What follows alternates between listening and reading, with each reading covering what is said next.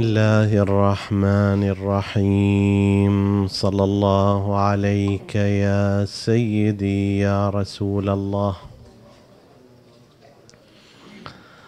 صلى الله عليك وعلى ابن عمك امير المؤمنين وامام المتقين صلى الله عليك يا سيدي يا أبا عبد الله ما خاب من تمسك بكم وأمن من لجأ إليكم. يا ليتنا كنا معكم. فنفوز فوزا عظيما جاء في الحديث الشريف إن فاطمة إذا قامت في محرابها أزهرت لأهل السماء كما تزهر الكواكب الدرية لأهل الأرض. صدق سيدنا ومولانا رسول الله صلى الله عليه وآله وسلم. عطروا مجالسكم بذكر محمد وآل محمد.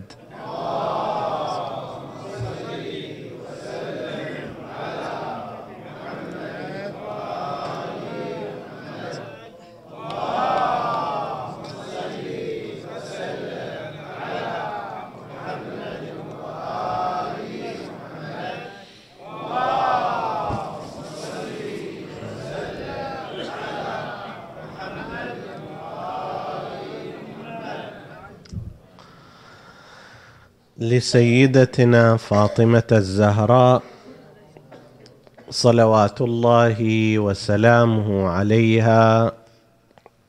ألقاب كثيرة ذكرت في أحاديث أهل البيت عليهم السلام وعرفت سيدتنا فاطمة بهذه الألقاب. ومن أوضحها وأبرزها هي أنها لقبت بالزهراء بعد أن سميت بفاطمة.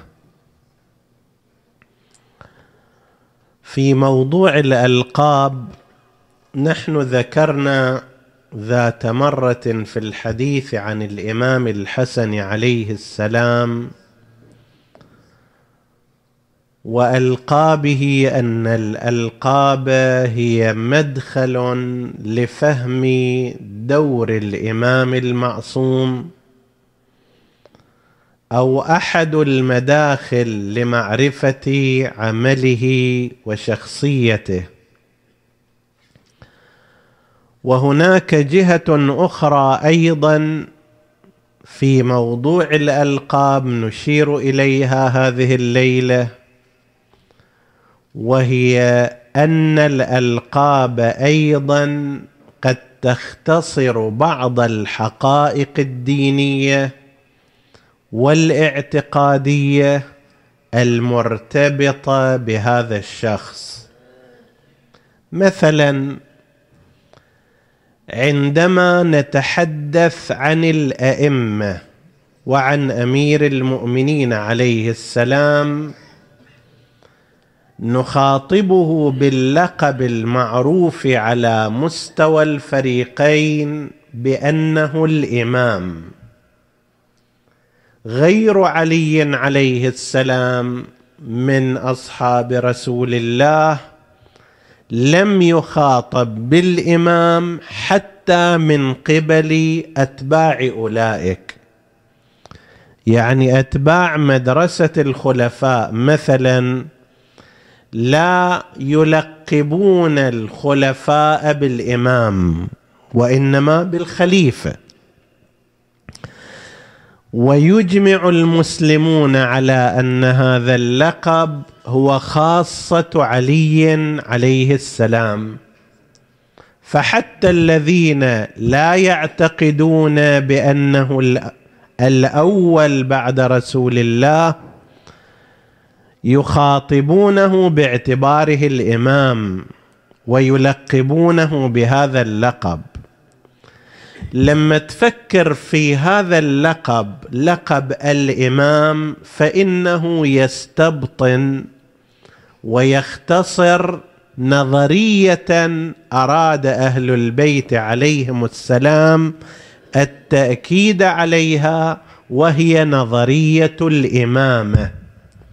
الإمامة بهذا المعنى الذي يتحدث عنه أهل أهل البيت ويؤمن به الشيعة غير موجودة هذه النظرية لدى أي فرقة من الفرق الإسلامية. والطوائف الأخرى الإمامة بهذا المعنى التي يتم تعيين الإمام فيها إماما من الله ويكون معصوما. هذه خاصة شيعة أهل البيت والإمامية الاثني عشرية على وجه التحديد. يعني مو شاملة إلى باقي الفرق. الزيدية مثلا وإن كانوا شيعة في الإطار العام لكنهم ليسوا إمامية بهذا المعنى. لا يعتقدون بنظرية الإمامة التي يعتقدها الاثنى عشرية من أن هناك أئمة محددين ومعينين ومنصوصا عليهم من قبل الله عز وجل. فأنت لما تقول الإمام علي والإمام الحسن والإمام الحسين وسائر الأئمة هذا اللقب لقب الإمام يختلف عن الحديث عن إمام الجماعة ويختلف عن الحديث عن الإمام السياسي أنت هنا تؤمن بنظرية الإمامة. فلقب الإمام هنا مختار بعناية لكي يلخص النظرية حتى سميت كل الطائفة بهذا اللقب وهي الإمامية نسبة إلى الإمام. ومثل ذلك مثلا لقب الوصي بالنسبة إلى علي أمير المؤمنين عليه السلام. كلمة الوصي كلقب تختصر أيضا نظرية في التاريخ وفي العقيدة وهي أن النبي المصطفى محمد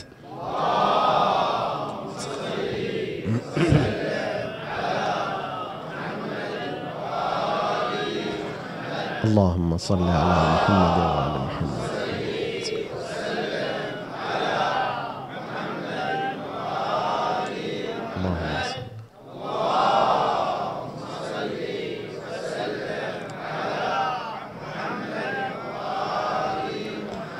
ما مات وانتقل إلى ربه إلا وقد أوصى مرارا وتكرارا وخلف من بعده وصيا يقوم بشؤون الأمة وقضاياها.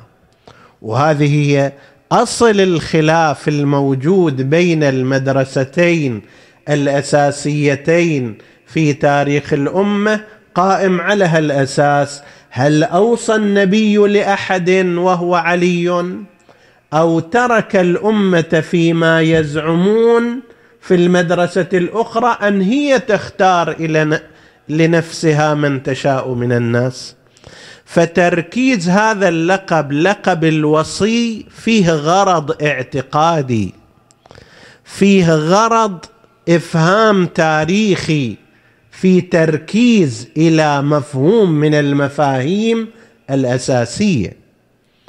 فالألقاب بالإضافة إلى أنها تبين دور المعصوم وبعض جهات شخصيته بالإضافة إلى ذلك هي اختصار واختزال لنظريات اعتقادية ومفاهيم دينية لا يمكن أن يأتي بها الإنسان بشكل طويل فيختصرها في كلمة واحدة. هذا إمام وهذا وصي.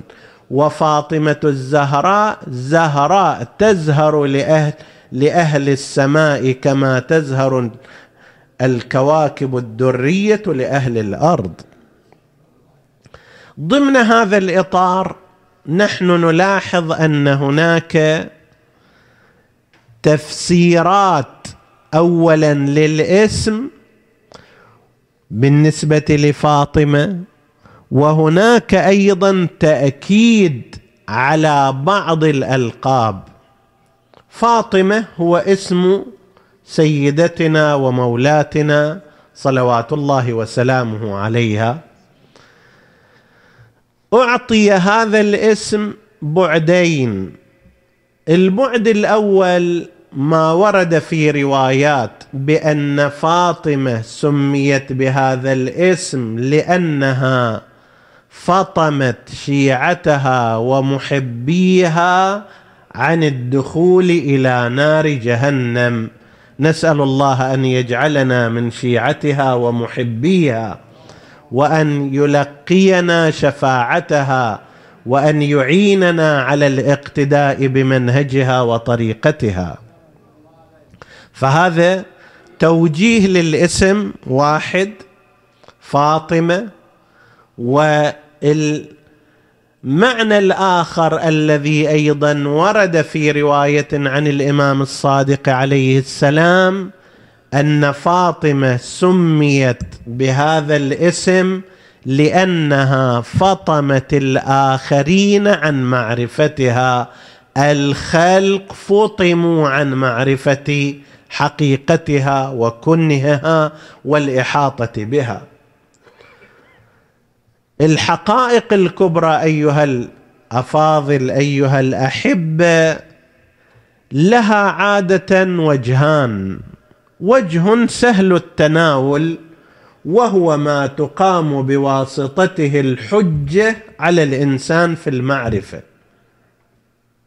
وهناك قسم آخر لا يستطيع الإنسان أن يتعرف عليه وهذا نجده افترض بالنسبة إلى الله عز وجل هناك مقدار من المعرفة لا بد منه واجب على الإنسان أن يتعرف على الله سبحانه وتعالى. إذ أول الدين كما يقول أمير المؤمنين عليه السلام أول الدين معرفته معرفة الله عز وجل. بمعنى ذا بمعنى آخر إذا إنسان ما عنده معرفة بالله عز وجل لم يسلك خطوة واحدة على باب الدين. لا بد أن يعرف الإنسان ربه. في الحديث الآخر عنه أيضا أن كمال العلم أن تعرف ربك وأن تعرف ماذا أراد منك وأن تعرف ماذا يخلصك من النار فتجتنبه وتعرف ماذا يوصلك, يوصلك إلى الجنة فتأتيه. فأول شيء لابد أن تعرف ربك. زين؟ هل مقدار اللي تقوم به الحجه على الإنسان أن يعرف أن لهذا الخلق ولهذا الكون الها وربا مدبرا حكيما وأنه تجب طاعته ويجب الانتهاء عن معاصيه؟ هالمقدار هذا أبسط الناس يستطيع الوصول إليه؟ لكن هل يستطيع عالم مهما أوتي من العلم أن يتعرف على ذات الله عز وجل؟ لا يستطيع ذلك. ماكو شيء أوضح من الله عز وجل. الإمام الحسين عليه السلام يقول في دعاء عرفة بلغنا الله وإياكم حج بيته الحرام متى غبت حتى تحتاج إلى دليل يدل عليك؟ ومتى بعدت حتى تكون الآثار هي المظهرة لك؟ عميت عين لا تراك عليها رقيبا وخسرت صفقة عبد لم تجعل له من حبك نصيبا. العين اللي ما تشوفك هذه عيون عمياء لأنك أوضح الحقائق لأنك أظهر الأشياء لأنك أقرب الأشياء لأنك أنور الأشياء. شلون نريد نستضيء بشيء حتى يضيئك يا رب وأنت نور السماوات والأرض؟ لكن هل يستطيع الإنسان أن يعرف ذات الله؟ لا يستطيع ذلك. بل لو تفكر في ذلك تزندق كما قالوا. فهي من الحقائق اللي إلها وجه يجب معرفته لأنه في, في متناول الأيدي. وإليها وجه آخر يستحيل معرفته لأن هذه الحقيقة أكبر من تعقل الإنسان. وهكذا الحال عندما نأتي إلى سيد الأنبياء محمد.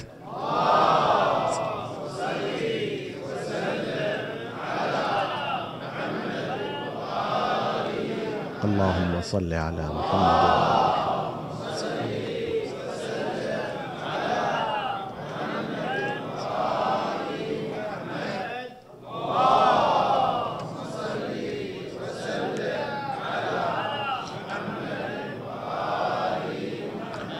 هناك جهة وهي التي يحاسب الإنسان عليها ويطالب بها وهي معرفة نبوة النبي والإيمان به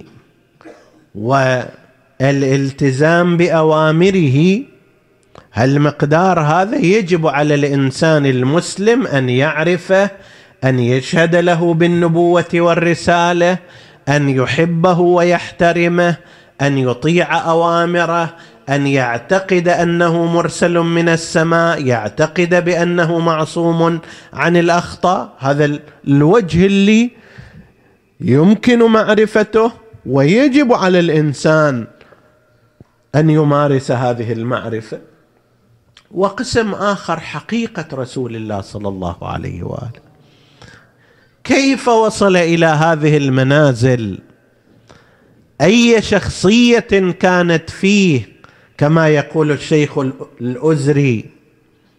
أي شيء في أي شيء في الخلق أعظم منه وهو الغاية التي استقصاها.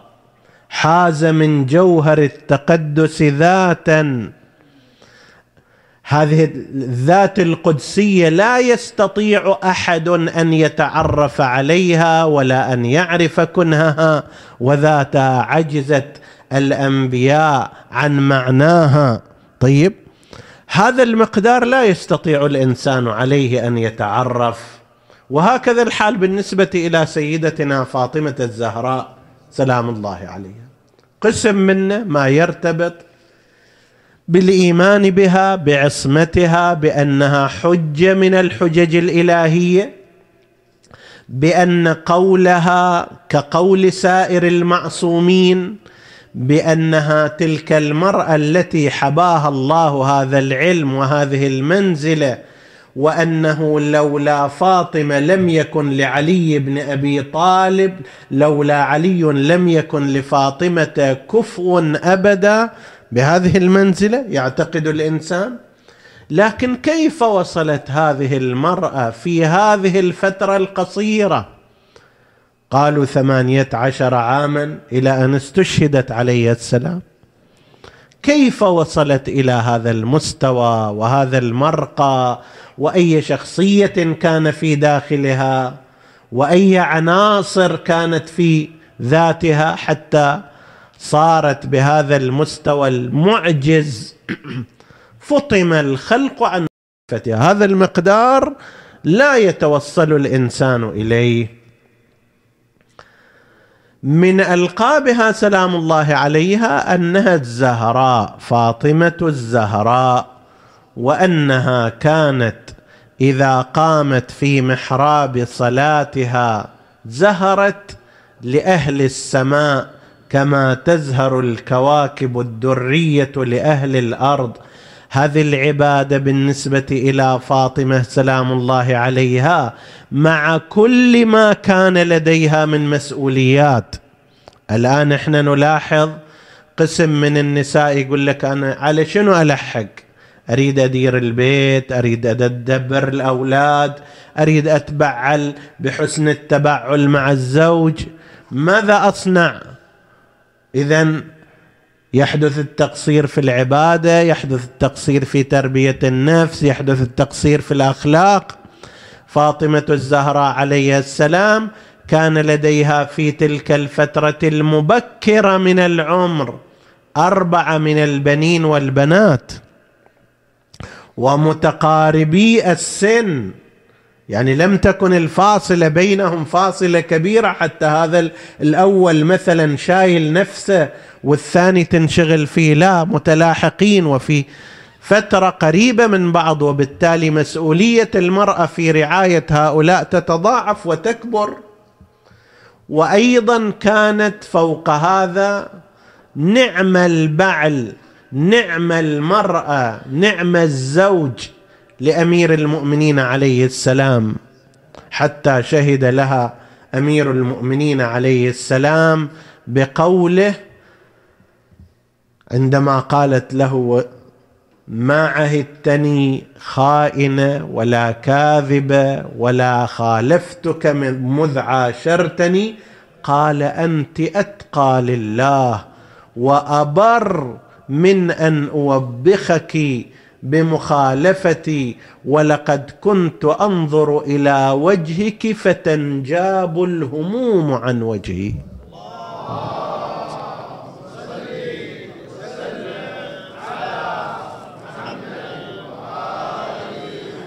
في ذلك البيت اللي كان قليل فيه الأدوات الرفاهية بل كانت معدومة فيه. وكان التعب فيه كثيرا ومع ذلك هذه الصديقة الطاهرة سلام الله عليها قامت في تربية أبنائها خير قيام وهذا نلحظه في كثير من الملاحظات إجلاسها لأبنائها في صلاة ليلها. طيب كانت تجلس الحسن وهي تصلي صلاة الليل الحسن ذاك الوقت ممكن عمره ست سنوات وخمس سنوات واللي هو ينقل الرواية مالت دعائها لجيرانها وأنها لم تترك جارا إلا ودعت الله له بالخير وتركت نفسها من الدعاء. يتبين أن كان عندها حرص أو في ليالي القدر كانت تستعين بتنويم أبنائها نهارا حتى يجلسوا لإحياء الليل في ليلة القدر. فهي من جهة عنايتها بأطفالها من جهة عنايتها بزوجها من جهة إدارتها لشؤون البيت فيما هو شأن. كل زوجة من الزوجات وفوق هذا أيضا كانت في عبادتها بهذا المستوى. اللي صارت كوكبا دريا ولكن في الأرض يزهر لأهل السماء. فاطمة الزهراء في عندنا رواية أخرى تشير إلى هذا المعنى بس من زاوية ثانية أنها كانت تزهر لأمير المؤمنين صباحا ومساء. كأنما عندها نوع من التجلي النوراني الذي يحصل لأمير المؤمنين إذا شاف هذا الوجه المضيء والمنير والمشرق تنجاب عنه الهموم والغموم والمشاكل صبحا ومساء. فاطمة الزهراء هذا واحد من ألقابها. من ألقابها العالمة ورد ذكر هذا اللقب كأول الألقاب لفاطمة الزهراء سلام الله عليها. مرة نقول إحنا عالم في كذا زيد من الناس نقول هذا عالم بالفقه. وعمر نقول عالم في تفسير القرآن. وبكر عالم في الهندسة. فاذا هذا العالم في الهندسة ما عنده معرفة كبيرة في الفقه. أما إذا قلنا هذا هو العالم على نحو الإطلاق ما قيدناه بشيء بالفقه بالفلسفة بالهندسة بالتفسير بالعلوم الطبيعية. قلنا هذا عالم وكنا نريد في ذلك إطلاق الكلمة.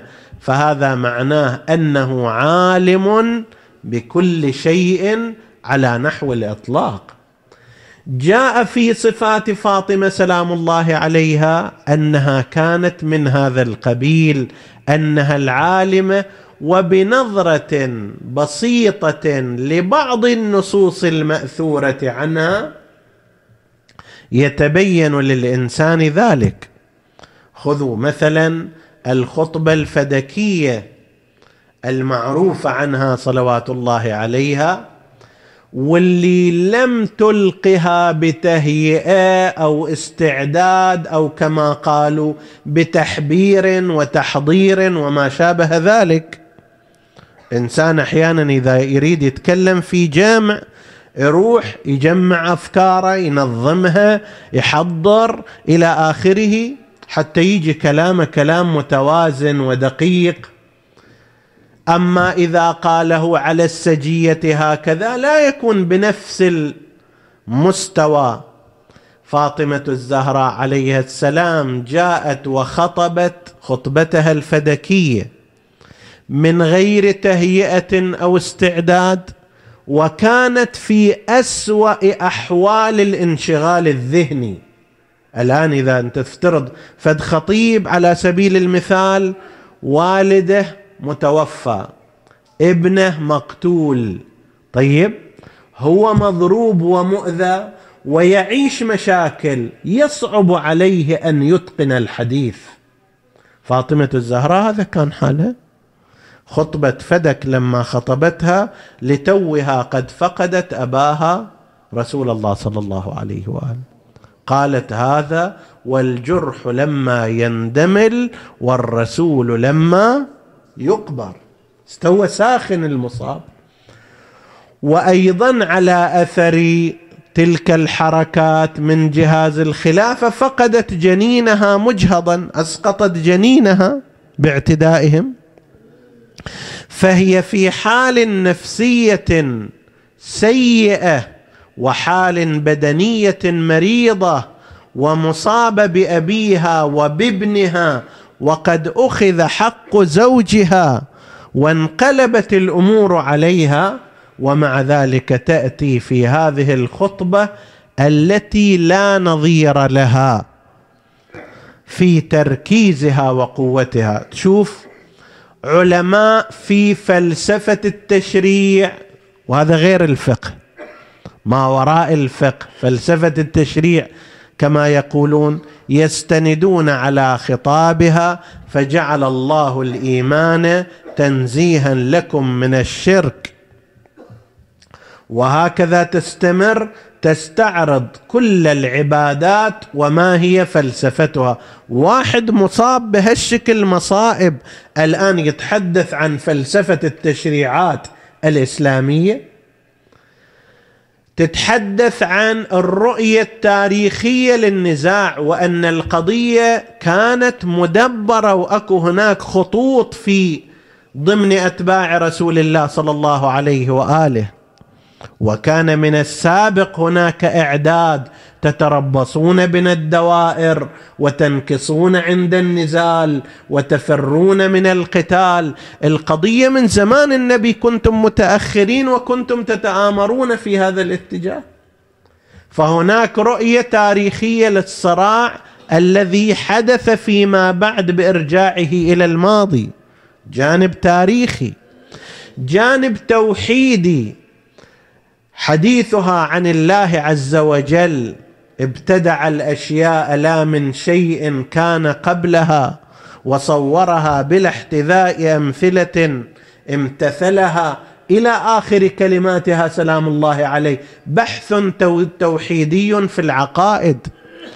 تروح إلى قضية القرآن الاستدلال الاستدلال بآيات القرآن الكريم. أحد العلماء قال وهو على حق فيما يقول. لو أن عالما من كبار علمائنا هذا اليوم أراد أن أن يصنع درس خارج لعلية القوم.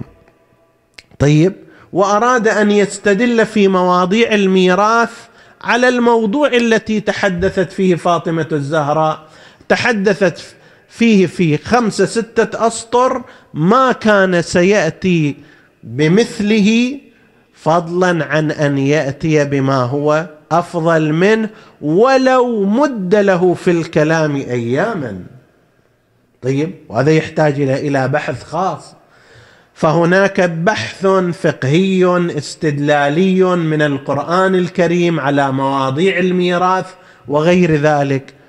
هذه هل خطبة هذه اللي هي من غير تهيئة ولم تكن في وضع نفسي ولا بدني مناسب ومع ذلك ترى فيها هذا العلم الكبير الغزير الذي لا يتيسر لأحد. فاطمة هي العالمة صلوات الله عليها. وهي أيضا في ألقابها المباركة. المباركة التي جعل نسل وذرية نبينا محمد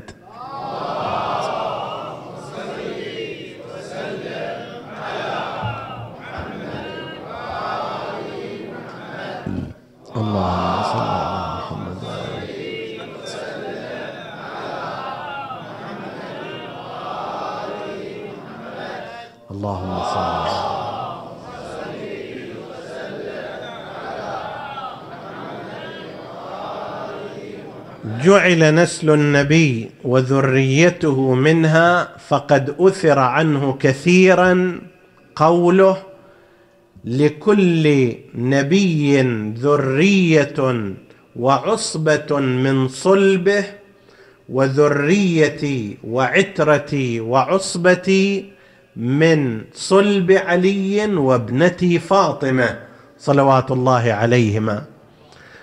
هذا الذي جاء وقال لرسول الله صلى الله عليه وآله إنه مشيرا إلى النبي أبتر يعني لا يوجد له أولاد وبالتالي سينقطع امتداده وذريته وذكره.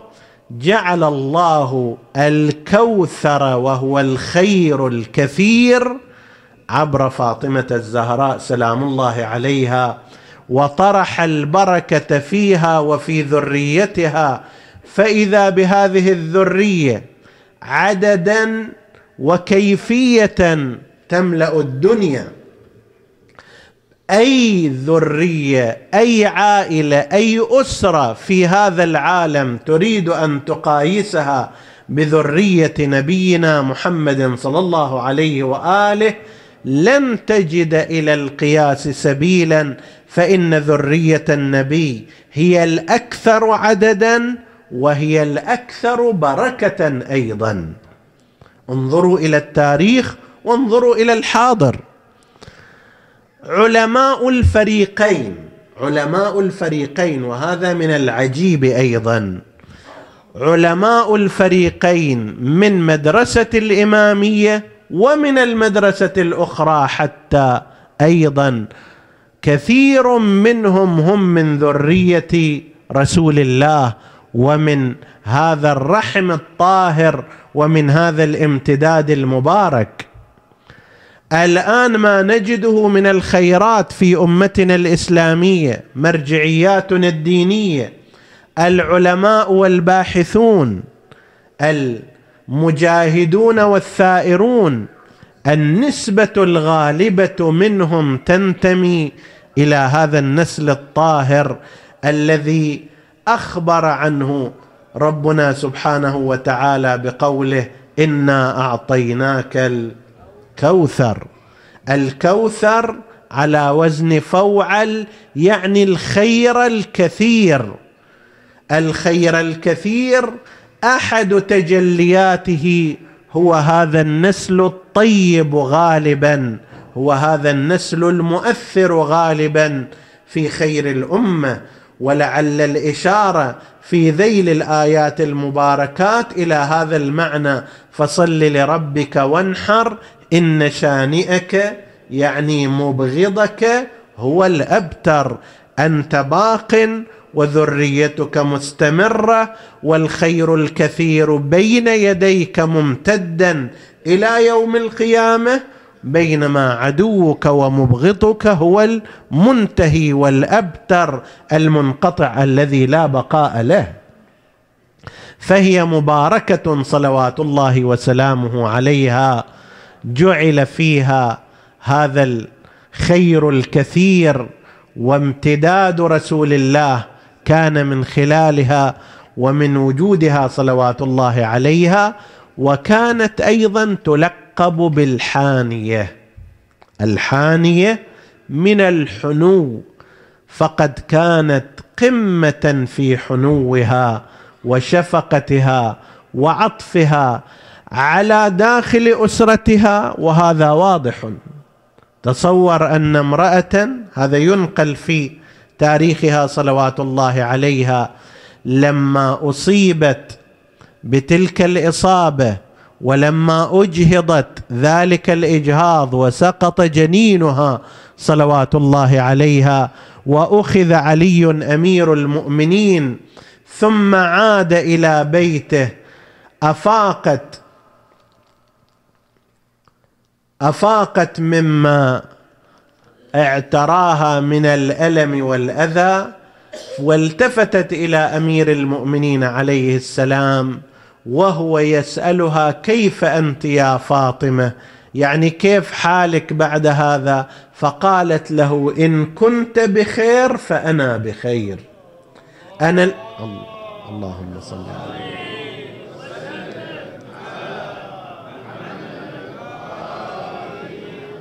يعني إذا أنت وضعك وضع حسن أنا وضعي وضع حسن مع أنه لا مجال للمقارنة. علي عليه السلام أخذ إلى المسجد بالقوة.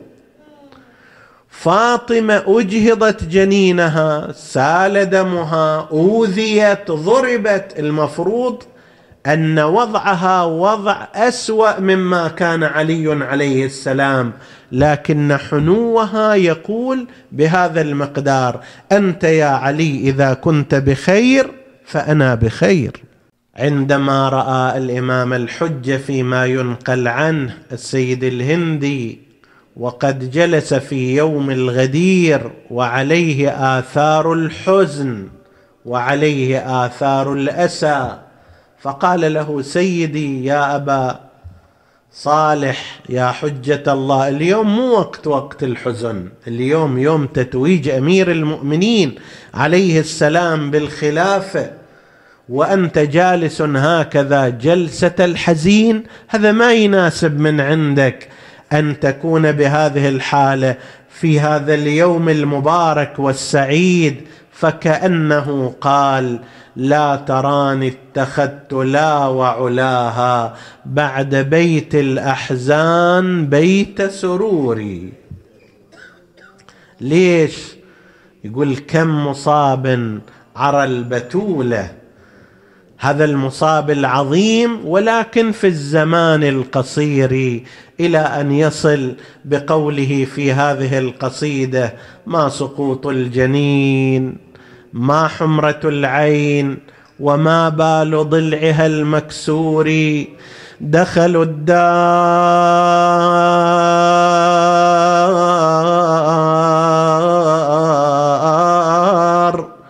وهي حسرى بمرء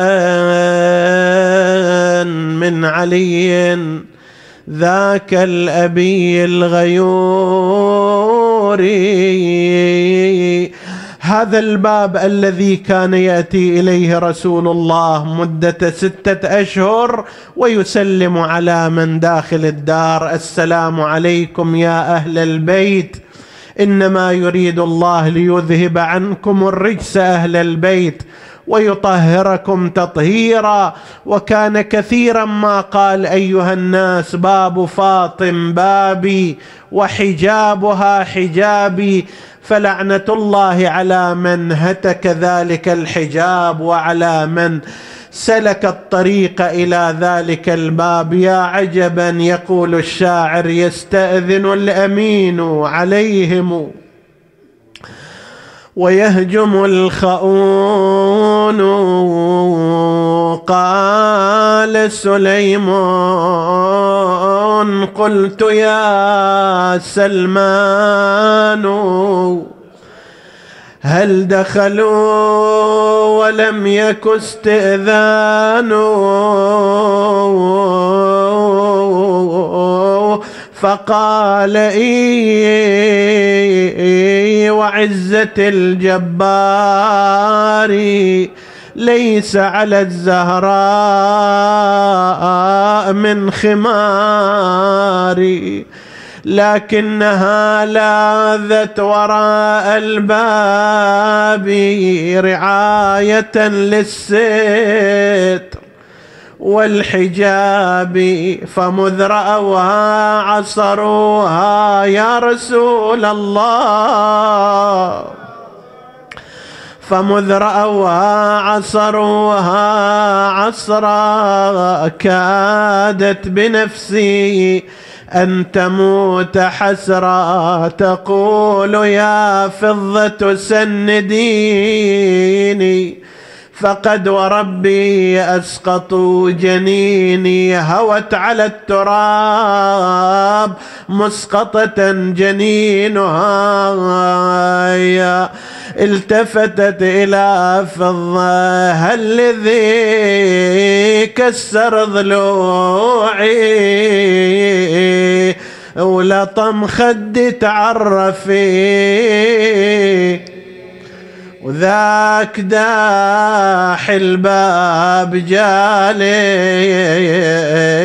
بالعجل قوم اخبري. قالت ملبب خذا وحيدر وريتك تنظري. قايد الفرسان حيدار كيف قادوه بحبل طلع لكن ذوبيت قلبي يا فاطم طلعته من كسر قلبه تجري فوق خده دمعته. حاير ويكسر الخاطر يوم دنق رقبته بالحبل مقيود ما كان أبو حسين الفحا ولأي الأمور تدفن ليلا بضعة المصطفى. ويعفى ثراها نسألك اللهم وندعوك باسمك العظيم الأعظم الأعز الأجل الأكرم. يا الله اغفر لنا ذنوبنا كفر عنا سيئاتنا. آمنا في أوطاننا لا تسلط علينا لا يخافك ولا يرحمنا. ولا تفرق بيننا وبين محمد وآله طرفة عين. فض اللهم إخواني الحاضرين فردا فردا واقض حوائجهم. اشف اللهم مرضاهم لا سيما المرضى المنظورين. اللهم اشفهم بشفائك وداوهم بدوائك وعافهم من بلائك. إخواني الحاضرين لا سيما سماحة سيدنا العلامة. اللهم احفظه بحفظك وأيده بتأييدك ومتع المسلمين بطول بقائه يا رب العالمين. إلى أرواح موتى المؤسسين والحاضرين نهدي ثواب الفاتحة تسبقها الصلوات.